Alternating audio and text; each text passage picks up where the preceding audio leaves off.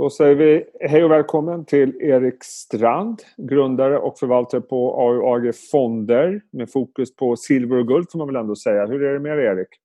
Absolut, det är jättebra. Får säga. Ja. Det rullar på fint, så eh, full fart. Du, eh, vi får ju prata lite grann om det här eh, guldpriset framförallt som har stigit mm. här under våren. Om man summerar sista tiden så har vi ändå sett, vi har sett lite bättre makro. Vi har sett en större riskaptit på börsen. Vi har sett att kredit och företagsobligationsmarknaden har förbättrats. Guldpriset fortsätter upp. Är det logiskt och eh, motiverat enligt dig?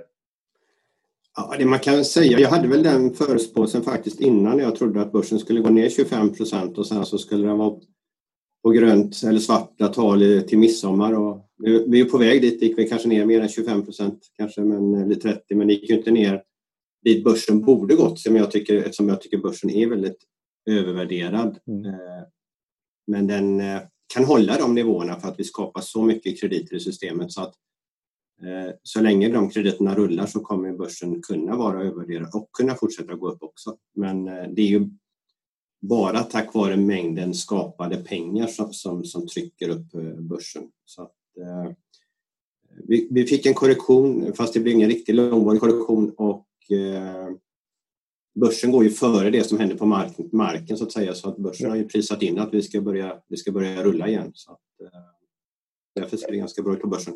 Jag, jag tänkte att vi skulle titta på tre grafer som jag antar eh, du vill visa för att motivera lite grann på vart guldpriset kan vara på väg framöver. Och den första tror jag kan man översätta det som att den visar hastigheten i penningmängden. Eh, det är väl en form av inflationsmått. Eh, vad tänker du på när du ser den? Ja, precis. Det är ju att eh, egentligen det som varit problemet sedan 2008 det är att farten på pengar, omsättningen på pengar har hela tiden sjunkit, sjunkit och sjunkit. Och Eh, de har ju tvingats att möta upp detta genom att skapa mer pengar i systemet för att få att summan, farten plus mängden blir någon form av konstans. Och eh, man har fortfarande inte fått den här farten på pengarna att vända riktigt eh, och det är det man jobbar med genom att försöka sänka räntor och allting men det händer ju inte så mycket så att det där har ju varit problemet egentligen, farten på pengar. Och om man tittar på den här nästa grafen, den visar på Feds balansräkning. Vi är ju inne i en fas nu där det fullständigt överöses med pengar, både penningpolitiska och finanspolitiska. Eh, en relativt anmärkningsvärd eh, graf, graf man väl ändå säga, eller hur? Ja, det är ju extremt. Alltså det som, eh, vi gjorde en liten räddning 2000, det syns inte ens på den grafen. Det är ju som en liten blipp på den där. Och det vi gjorde 2008 när de fördubblade, mer än fördubblade sin balansräkning var ju, hade ju aldrig hänt något sånt i historien så det var ju gigantiskt. Eh, så försökte man eh, dra ner lite 2008-2009 där. Det funkar inte så då ökar man på igen. Eh, och kanske det mest anmärkningsvärda tycker jag i, i grafen det är att man fortsatte vara väldigt expansiv under det som var en, ja, kallade högkonjunktur eller att det gick bra för samhället 2011, 12, 13. Man fortsatte ju att skapa mer krediter och det är ju lite konstigt faktiskt. Men det har ju hjälpt allt att rulla på. Eh, sen kom en liten period när Fed då 2018 började höja räntor, ville ta tillbaks lite från sin balansräkning eh, och sen misslyckades med detta då för ett år sedan ungefär till sommaren eh, och erkände då att man måste börja sänka räntorna igen. Vilket man då gjorde och då fick ju börsen hade ju lite problem där innan sänkningarna kom. Men sen fick ju börsen fart igen och sänkningarna fortsatte, fortsatte, fortsatte.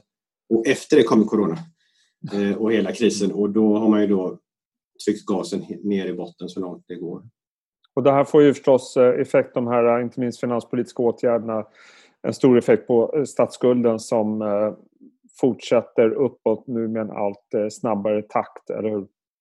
Ja, det är ju nästa problem då, alltså mm. skulderna som blir i systemet och statsskulden i USA. Jag tror man kan säga att man siktade på ett underskott på 3 innan corona och nu pratar man om 13% i underskott, alltså det är ju gigantiska underskott och det som är positivt är att det löser situationen just nu. Eh, och det ser vi också att eftersom det, vi kan ha en av de värsta katastroferna och ändå går börsen bra. Mm. Eh, vi kan ha jättestor arbetslöshet och ändå går börsen bra. Så att det löser situationen för börsen just nu men vi skapar ett problem längre fram för att skulder blir alltid svåra att hantera när de blir väldigt stora. Och slutsatserna då, de här, äh, framförallt de här tre graferna om man ser på guldpriset. Nu står det ungefär 1700, lite drygt va? Mm. Uh, utifrån det här vi har pratat om, hur ser du guldpriset framöver? Alltså egentligen om jag nu ska se vad jag kallar för ett uh, fair value, ett, alltså ett uh, rimligt pris på guld och en väldigt enkel modell så skulle jag vilja ta USAs, eh, den här skulden vi har på 23 trillions eh, of dollars och Feds balansräkning på 7 trillions eh, som blir då 30 och gånger 100 ger ett pris på 3000. Där hamnar jag ganska snabbt. Där är vi inte ännu men guld har inte ens all time high i dollar än så att det är fortfarande prisvärt att köpa guld. Du hade en annan graf också, den här med guldet eh, relativt eh, euron som är också tämligen dramatisk. Vad, vad säger den egentligen? Ja, det som är intressant är ju det att eh, man försöker prata om inflation. Och inflation har blivit ett tal som är väldigt svårt att mäta. Vi har tagit bort så mycket faktorer i prisinflation och jag försöker lyfta fram att vi måste prata om vad är monetär inflation? Och det ser man liksom, hur mycket aktier får du för 100 kronor jämfört med 10 år sedan? Hur mycket fastighet får du för 100 kronor jämfört med 10 år sedan? Hur mycket guld får du för 100 kronor jämfört med 10 år sedan? Och då ser man ju vad det har gjort med att skapa så mycket krediter och skulder i systemet som kanske inte syns på just hur mycket en Coca-Cola-burk eller en banan kostar eh, utan syns på de andra bitarna och det är en monetär inflation. Och, eh, jag tycker ju om guld och silver som ädelmetaller som investeringar men egentligen i grunden så gillar jag en, en sund ekonomi för ett, både på privatekonomi, företagsekonomi och i länder och skulle vi ha en riktigt, riktigt sund ekonomi då hade vi inte behövt guld och silver att investera i. Eh, så det är min, men nu har vi inte det. Utan eh, man gillar att vara expansiv, politiker gillar att bli omvalda.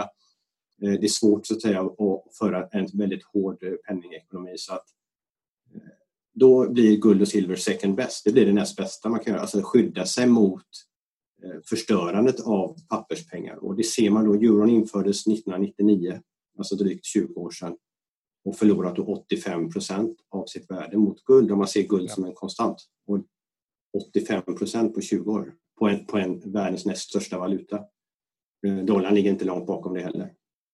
Vad, vad, kan du säga om silvret då? Den har inte gått eh, lika starkt som guldet under eh, våren. Nej, nu har vi haft mycket oro och guld reagerar ju kortsiktigt, om man nu säger positivt. Det går upp på oro som en säker hamn.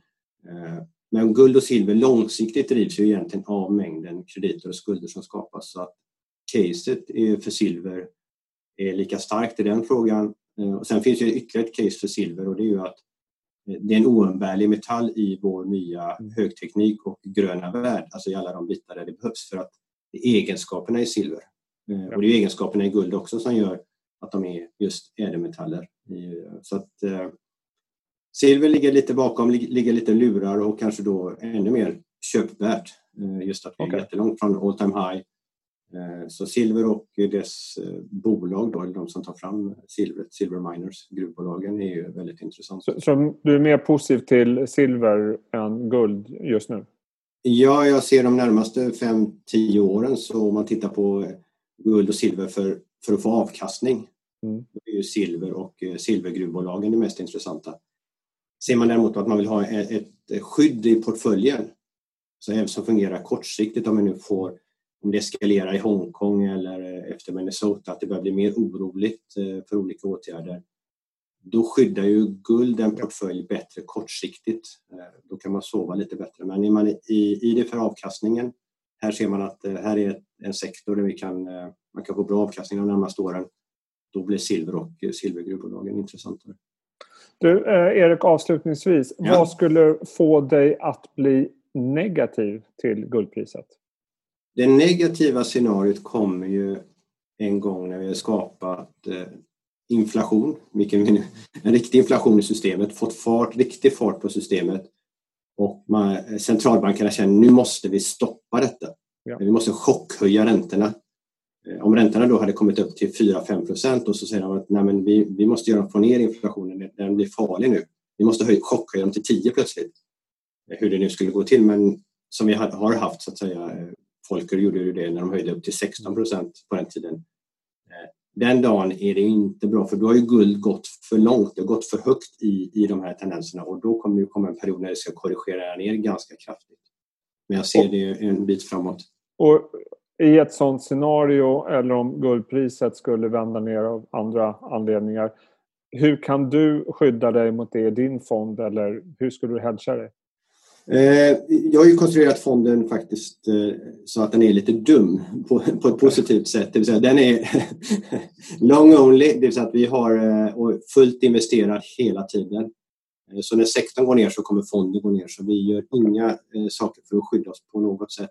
Fördelen med det är ju att investeraren vet vad jag köper som investerare. Att den här fonden gör det jobbet så att inte förvaltaren sitter och hoppar in och ur och gör det på fel sätt. Eller vad är det, hur mycket exponering har jag egentligen? Utan vi ligger fullexponerade, runt 99 procent eh, investerade.